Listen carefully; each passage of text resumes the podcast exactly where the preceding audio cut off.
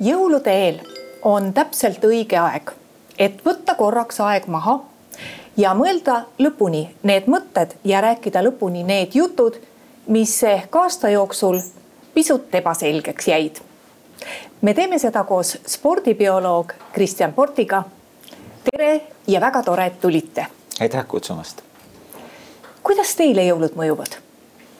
Alati hästi, mitte ainult kingilootuses, vaid kogu see meeleolu ju muudab äh, teiste inimeste olekut ja iseenda suhtumist ja, ja muutub tähelepanelikumaks maailma suhtes ja looduse ja loomade suhtes, et, et see on selline tore periood. ma olen ilmaliku kasvatusega, selles suhtes nagu sellist kristlikku või religioosset narratiivi ei ole, aga sellegipoolest selline püha, püha periood vot miks ma seda küsisin, meie tänane elu on ju selline, et eh, juba tükk aega enne jõule hakatakse andma nõu inimestele, kuidas saada hakkama jõulustressiga, kuidas saada hakkama siis, kui sinu ümber on jõulude ajal liiga palju inimesi, liiga palju sugulasi ja kuidas saada hakkama siis, kui sa oled päris üksi.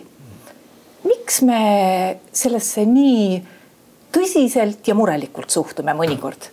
ma arvan, et inimestena me lihtsalt laseme terve hulga võimalusi käest ära ja siis jõulud on teatud mõttes selline aeg, kus tuleb need uuesti üles korjata, siis me ei saa sellega hakkama. see on enam-vähem nagu treeninguga, et seda lükatakse edasi, arvatakse, et see on kõik lihtne. hakkame uuest aastast peale, siis tuleb välja, et esimese nädalaga kõik on kohad valutavad ja pettutakse.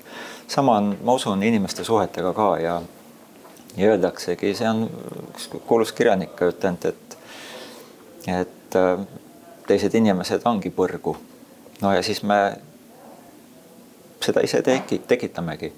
ja seda ei peaks tekitama, et, et me peaksime jutumärkides siis sugulastega ja lähedaste inimestega aasta jooksul rohkem kokku puutuma, siis ei ole esiteks niivõrd suur šokk ja kellegi puudumine ei ole samamoodi suureks traumaks, et, et me peame kõikide asjadega tegelikult natuke rohkem kokku puutuma, mitte ainult tööga. kusagil viis aastat tagasi Postimehe arvamusliidrite lõunal Te ütlesite välja sellise lause, et tehisintellekt tuleb -hmm.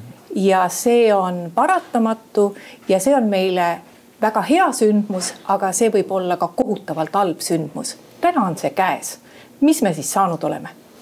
me oleme saanud selle teadmise, et tegemist ei olnud udujutuga ja me oleme saanud ka teada, et need muutused on kiiremad, kui me oleme harjunud muutustega toime tulema arvatavasti me hakkame üha rohkem aru saama, et vanast äh, ajast ei ole suurt midagi õppida. meil on olnud ju see põlvkond, kus äh, see tarkus tuleb vanematelt ja vanavanematelt äh, sellest, et muutused on olnud aeglased, aga need muutused muutuvad hästi kiiresti ja muutuste tulemusel see maailma tekib midagi, mida varasemalt ei eksisteerinud. ja see on see üks põhjus, mille pärast arvatavasti niivõrd palju halba ei sünnitagi, vähemalt esialgu tehisintellekt, kuivõrd palju inimesed, kes ei oska sellega hakkama saada ja inimesed, kellel üldse tehisintellekti ei olegi, näiteks lähevad jutumärkides piketeerima või sellist passiivne vastuseis või, või äh, levitavad äh, selliseid hirmutavaid sõnumeid, mis ei ole adekvaatsed, aga teevad kõigile kahju. Öeldakse, et põlvkondade vahed ei ole kunagi olnud nii suured kui praegu. on see nii? Ühest küljest on, bioloogiliselt ju ei ole, et äh, endiselt on see ikka iga põlvkond või generatsioon on, mõõdetakse, et millal siis sünnib uus inimene sellest samast inimesest, kes maailma sündis. Keskmine on enam-vähem nüüd siirdunud umbes kümme aastat kaugemale, et, esimene laps sünnib kuskil kolmekümnendates eluaastades. aga see põlvkondade erinevus tuleb vast sellest, et kontakte on vähem ja et, et kui me vaatame, kuidas lapsi tänasel päeval äh, lastakse omaette olla ja selles peres ei ole seda kolmandat generatsiooni ehk vanavanemate põlvkonda, ta asub kuskil kaugemal ja ligipääs on ekraani kaudu. ja seda, seega selline vahetu arusaam maailmast ja inimestest ja teistsugustest inimestest, vanematest inimestest ja endast ka natuke vanematest poistest ja tüdrukutest, kuna meie ajastu kipub olema nüüd selline, kus kõik lapsed peavad olema sama vanustega, kuna natukene vanemad tunduvad juba natuke ohtlikud. ja see kõik põhjustab seda, et, et kasvab see arusaamatus isegi väikeste vanusevahede puhul, rääkimata siis vanavanematega no päris äh, ühel tasemel inimesed saavad teinekord asjadest väga erinevalt aru. Äh, kui me nüüd spordi poole vaatame, siis kust, äh, kuidas ikkagi tuleb selline arusaam, et praegu võiksid venelased ja valgevenelased mängid, lüüa kaasa olümpiamängudel, et kas me peame seda hukka mõistma või mõistma? see on hästi valus küsimus, sest me ei saa hukka mõista kõiki inimesi pelgalt sellepärast, et nad kuuluvad kuhugile gruppi. ja, ja need on suured riigid, kus on alati helgeid inimesi, kõik ei ole sinna koha peale jäänud, osa on sealt ära läinud. aga, aga teisalt äh, see on ka nende riigi liikmete vastutus, mida, mida riik teeb ja kui nad lasevad ja no meil on jube lihtne öelda, et me oleme ise samasugused allaheitlikud olnud, nagu on sellist julma võimu rohkem äh, inimeste peal kehtestatud et aga ometi keegi kuskil peab vastutama ja see ei tähenda, et kõigil peab mugav olema. ja mäng ometi on midagi taolist ja sport on mäng, kus on kõigil sellel ühel hetkel võimalus ainult keskenduda inimlikule panusele. ja ma ei hakka isegi seda dopingu teemat niivõrd palju siia tooma, kuivõrd lihtsalt, et see sellest mängust äh, on tekkinud selline poliitiline tööriist ja me tahaksime selle tagasi võtta. ja see on see koht, kus tuleb teha kompromisse nagunii meil on ka väga suurepäraseid inimesi, sportlasi, kes nendest mängudest osa ei saa võtta pelgalt trauma tõttu. kas me siis lõpetame mängud ära seetõttu, et, et nemad ei saa osa võtta ja oleme ebaõiglased. Ja seesama puudutab siis neid riike samamoodi, et me peame ühel hetkel igal juhul selja sirgu ajama ja ütlema, et meid huvitab rohkem see mängude olemuslik kaitse kui see, et, et me teeme poliitikat mingisuguses konsensuses Eh, no dopingut ei vaja mitte sportlased, dopingut vajavad väga inimesed selleks, et oma igapäevase eluga hakkama saada. kus on see piir, kus see doping on veel õigustatud, ma mõtlen seesama igapäevaelu doping. Jah, no siis on see ka vale sõna. Äh, dopingu mõte on igal juhul kasutada midagi, mis on kokku lepitud, et ärme seda kasuta. ja see on töövõime parandamine, kui me võtame selle töövõime parandamise ja mõtleme, et kogu töövõime parandamine on meil seadmetes ja ravimites, siis tegelikult ju töövõimet tahetakse sellest kehast kätte saada ja selles kultuuris on ka küllaltki kaua süvenenud sellised käärid selle bioloogilise tegelikkuse nende kultuuris olevate väärtuste vahel. ja seda, need kärisevad ja ühel hetkel me teame, et tuleb teha korrektuur. ja ajalooliselt on korduvalt näidatud, et see korrektuur tuleb teha kultuuri suhtes sest juhul, kui see tehakse bioloogilise suhtes, siis surrakse välja. ja mida ma olen praegu tegemas, populatsiooni taastootmispiir on, seda ei ületata, ehk populatsioonid arenenud riikides on väljasuremise teed. Ja üks pool peab järgi andma. ja kui bioloogiline annab järgi, siis me lihtsalt sureme välja, praegu on kõik märgid selles suhtes nii Eestis kui ka, kui ka mujal. nii et lihtsalt äh, kogu aeg ennast uinutada, et kuskil on valges kiklis onu või tädi, kes lõpuks tuleb ja võtab selle probleemi ära. ei ole, see on meist endast sõltub. no samas ju tundub, et äh, need valges kitlites äh, onud ja tädid varsti on nii targad tänu sellele, et meil on olemas geenitehnoloogia, et meil võetakse geeniproovi, et meil on personaalne meditsiin, et ühel päeval see valges kitlis onu või tädi ütleb täpselt selle päeva ette ära, millal me sureme. aga kas me kõik ikka tahame teada täpselt seda ma arvan, et sellisel juhul on ta koonduslaagri onu või tädi, et, et see on illusioon, et mida rohkem me maailma tundma õpime, seda targemaks me saame. Me isegi geneetikas on näha, et tegelikult see teadmatus kasvab, mitte teadmatus ei muutu vähemaks. ja, ja see enesekindlus just tuleb sellest hilisest ajaloost, kus me natuke oleme paremini teada saanud, siis me natukene elame rohkem, aga praegu me ei ela ju rohkem ja praegu me näeme, et need pinged on kasvanud omal omanäoliseks ja, ja tervishoiusüsteem, mis on ajalooliselt olnud egalitaarne, et kõikidel sul tasub ravida seda haigust nii feodaalilt kui ka sulaselt, kuna tegemist on peamiselt nakkushaigustega, tsivilisatsiooni põhjustatud haigused. Nende ravi hakkab üha rohkem triivima elitaarsuse suunas, et kellel rohkem vara, see saab endale lubada rohkem ja noh, ta saab lubada endale selle ilusamas, sätendavamas kitlis abilist. aga see ei lahenda meie suurt probleemi ära, et lõpuks jäävad väikesed, väike hulk hästi vanu inimesi alles ja, ja siis ongi kõik, et see ei ole lahendus. No samas tundub, et me oleme ju nagu kohutavalt võimekad, tehnoloogiliselt võimekad, oma elu kujundamisel võimekad. et kuidas siis on ikka nii, et me aastal kaks tuhat kakskümmend kolm ikka veel töötame kaheksa tundi nädalas mm. -hmm või kaheksa tundi päevas ja viis päeva nädalas. et eh, mis sellest siis kõigest kasu on, kui inimene peab ikkagi oma tööga täpselt sama palju panustama? noh, tegelikult me ei ole võimekamad. Et kui me vaatame inimest nagu hästi suures vaates. meil kõigil on olnud raskusi kirjutama, lugema õppimisega, peast arvutamisega, tööülesannete mõistmisega nii edasi. et kui me võtame individuaalselt, mitte ükski inimene individuaalselt sa ei saaks arstiks ega teadlaseks ega autojuhiks, vaid ta peab omama teiste teadmisi. et me alles siis, kui me kombineerime kõikide inimeste teadmisi kokku, hakkab inimene muutuma väärtuslikuks. seega see põhiline areng on tsivilisatsioonis ja siis me võiksime vaadata, et enda ümber seda tsivilisatsiooni, et jah, et me oleme saavutanud, me oleme kuule sõitnud ja aga kuivõrd rumalalt me tegelikult käitume. me ei käitu nagu täiskasvanud. täiskasvanu arvestab tulevikuga, tal on niisugune agentsus, et, et ta teab, tunneb, mis on õige ja ta tegutseb selle nimel, et, et tema järgmine samm toob midagi kasu. Meie selle asemel peame sõdasid, jagame seda tööhüve ebaõiglaselt ja, ja oleme suhteliselt pinnapealsed. ja see näitab, et me tegelikult äh, tsivilisatsioonina väga arenenud ei ole, aga me tahame kogu aeg panna selle vastutuse indiviidile. iga indiviid lõppude lõpuks moodustab ühe osa sellest ja me peaksime seda diskussiooni rohkem omama, et et me ei hakkaks süüdistama, et vot sina ülemus ei aidanud mind. Et me oleme kõik üheskoos selles, selles aitamises ja targemate otsuste tegemises no asi, millega inimene tõenäoliselt kõige kergemini hakkama saab, on see oma elu, elu, elu korraldamine. et ühiskondliku protsessi korraldamisel me peame tegema koostööd, oma isikliku elu korraldamisel ma ei saa öelda, et me oleme sada protsenti otsustajad, aga enamasti küll, sinna lähedane number võiks see olla.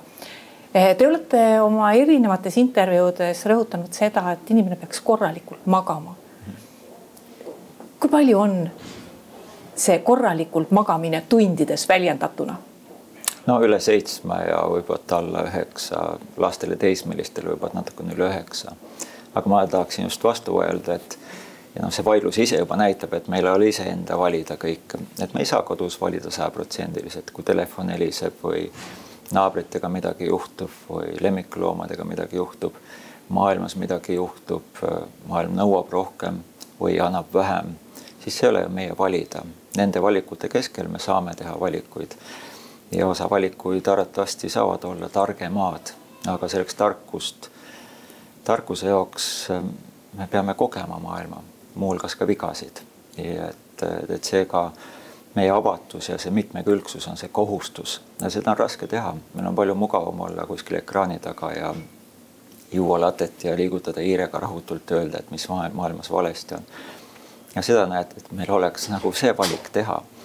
aga me seda valikut ei tee, et me midagi tegelikult selles kogukonnas õigesti teeksime, et lähtume ikkagi oma mugavusest no teine asi, millele te olete tähelepanu juhtinud ja praegu ka ju vihjamisi ütlesite, et see, kui sa istud laua taga ja liigutad kohvitassis lusikat või siis liigutad arvutihiirt, et siis sa ju istud seal paigal. see on liikumine. see on liikumine ja noh, ta on, see on hästi huvitav just seetõttu, et et kui me vaatame lapsi, kes istuvad väga-väga-väga kaua, heidame nendele ette, aga kui me vaatame, mis ekraani peal toimub, siis on tohutu kehaline liikumine, et see keha tegelikult naudib seda liikumist, aga see on niivõrd odavalt kättesaadav. et noh, et ei pea külma kätte minema, ei pea riided vahetama, pärast ei pea pesema ja nii edasi.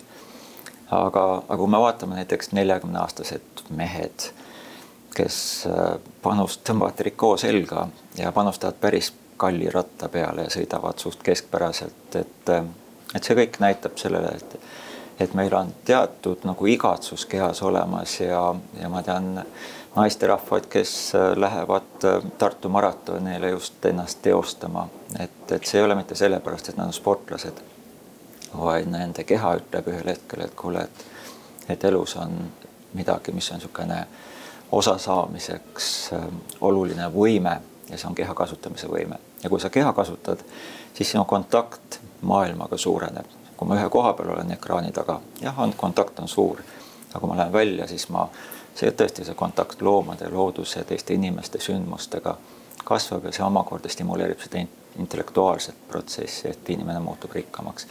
et ei ole tsiviliseeritud inimene ei istu, vaid tsiviliseeritud inimene osaleb elus no kui palju võib eluaastaid juurde saada, kui ütleme, tegutseda kogu aeg või liigutada ennast sama palju Te küll juhtisite tähelepanu, et lapsed istuvad ka palju arvutis, aga ütleme ühel hetkel nad siiski ei istu, päris väikesed ei istu. et kui üritada liigutada ennast vanemas eas täpselt sama palju kui selline ühe-kaheaastane laps, kes üldse paigal ei püsi, et saab ikka mitu head aastat juurde. oi saab, et äh, see on üksikud uuringud, need uuringud nõuavad nagu pikaajalist ja noh, suhteliselt hilja, hilja on hakatud sellele tähelepanu pöörama Uus-Meremaa uuring näitab, et inimesed vananevad ühe kalendriaasta kohta null koma neli aastat ja osa kaks ja pool aastat ja see on täiesti suur valik, mida me oma, oma kehaga teeme. ja osa, kes on kehalist aktiivsemad, näiteks kehalist aktiivsust nõudvatel töökohtadel ei elata kauem. sest see kehaline aktiivsus on ühekülgne, see koormab keha liiga ühtemoodi ja see on see kultuuri küsimus, et, et kuidas, milliseid võimalusi me keha kasutamiseks võimaldame ja ka milliseid sõnu me kasutame, et kui me kasutame sõna sport siis paljud jaoks, ei, see on noorte jaoks, ega mina ei saa sellega hakkama ja see tundub nagu raske ja ah, ma ikkagi leian midagi muud, et ma vaatan teisi ka, et nemad ka ei tee. aga kui me räägime kehakultuurist, siis see on kultuuri osa, kus sa kehaliselt osa võtad. selleks võib olla jalutamine Jaapanis. Jaapanis elatakse päris kaua ja seal on üheks imeliseks vahendiks kahekesi kõndimas käimine. esiteks sa kõnnid ja teiseks sa vestled kellegagi ja see mõlemad on sellist rikastavad ja tagavad ka teatud välismälu, et, et kui ma järgmine kord ei tahaks, siis see teine tahab ja ma lähen ka ja ongi kerge. ja need, need on need tegevused, need on kultuuri osa ja kui me seda ainult sõna spordi äh, sellisesse konservi paigutame, siis, siis me saame seda ainult pakkuda teatud sihtgrupile, aga me peaksime nägema, et kogu, kogu inimeseks olemine on tegelikult algusest peale olnud keha kasutamine ja no, mõistlikult kasutamine, järelikult see on interaktsioon mõistuse ja, ja kasutuse kogemuse vahel. no üks asi, millest ka sellel aastal palju räägiti, aga mis on üldse selline viimase aja trend, on see maale elama. -hmm. et äh, meie elukorraldus on tegelikult küll kõige parem linnas, sest linnas on kõik teenused kättesaadavad ja mõnikord on ta lausa selline tunne, et riik eksisteeribki linnainimeste jaoks. Need, kes lähevad maale elama, peavad enda eest päris palju võitlema, et saada koju, saada internetti, saada teid, saada elektrit ja nii edasi. kas äh, linnastumine on kõigele vaatamata siiski paratamatu, sest inimkond on seda ikkagi teinud mitu sajandit, et, et kui habras see sõnum maale elama siiski on, on see vaid üksikute jaoks? see on hetkel üksikute jaoks. üleüldine trend on linnastumine ja keegi ei käsi seda teha. inimesed äh, liiguvad linna seetõttu, et, äh, et linnas sedasama ressurssi, mida meil kõigil on vähe, saab paremini ära kasutada. linnas elu läheb küll kallimaks aga selle ressursi kasutamise eest saab rohkem, et kui me oleme üheskoos, siis me näeme, et linnades sünnib rohkem patente, kunsti, kuritegevust, ettevõtlust, nii edasi, tervishoidu samamoodi. ma võin jõu kokku võtta, minna maale, aga nii, nii kui oleks vaja tervishoiuteenust, kultuuri või midagi muud evida, siis tuleb ikkagi linna tulla, et linn on selles mõttes omapärane, et et linnas on küll elu kallim ja kõigil on vähem, aga kõigil on rohkem saadavalt ja see on see tendents, mille pärast me linna liigume ja liigume siis ka kolmedimensionaalsesse ruumi, mitte ainult linn ei vaju laiali, vaid algus vajab laiali, siis tõuseb püsti. et see ruum täidetakse võimalikult tihedalt, kuna siis me kulutame vähem energiat, liigume vähem, saame rohkem kätte ja nüüd on küsimus, et aga meie evolutsioon on olnud natuke teistsugune, et keha nii kiiresti ei kohane. see linnastumise protsess on tõesti olnud, ütleme, paar sajandit võib-olla maksimaalselt, et et, et seega me me hakkame nägema ka, et, kui me linna muudame tõhusamaks need transpordiülesanded lahendame niimoodi ära, et üks inimene ei istu autos, praegu on enam üks koma üks inimest auto kohta. et siis linna keskel hakkavad tekkima sellised ruumid, mida saab kasutada inimkeha kasutamiseks kultuursetel eesmärkidel. ja see ei pea tingimata rahvamaraton olema, aga miks mitte. et seda kõike tuleks tolereerida, aga selleks peab olema mitte konkureerima autodega vaid konkureerima inimese heaolu nimel ühe ja teise hea lahenduse vahel, mitte see, et meil on ainult halbade lahenduste vahel võimalus valida. aga jah, linna me peame paratamatult siirduma. no varsti ongi see aeg, kus äh, ukselt uksele hakkab käima jõuluvana, olgu see maal või linnas mm. -hmm kas äh, me peaksime tegema kõik selleks, et meie lastele tuleks jõuluvana? Jah, isegi see müütiline jõuluvana, et, et nad võimalikult hilja saaks aru, et ma ei hakka ütlema, kas on või ei ole, aga aga jah, see jõuluvana müüt on ju nii maagiline et ma arvan, kõikidel täiskasvanud inimestel on seesama tunne alles, ükskõik mis vahepeal pole ka juhtunud. ja noh, meil kipub olema nii, et see jõuluvana tuleb sinna, kus lapsi enam ei ole, et, et see on see traagika, et meil peaks olema lapsi selleks, et et kellele seda jõuluvana teha. Kahju on küll tihti, tihtipeale isa ei ole kodus, kui jõuluvana tuleb, aga, aga vähemalt niigi hea. ma palusin kui me meie saate kohtumist kokku leppisime, ma palusin, et te meenutaksite või otsiksite mõne luuletuse, mida teie jõuluvanale loeksite. kas te leidsite selle?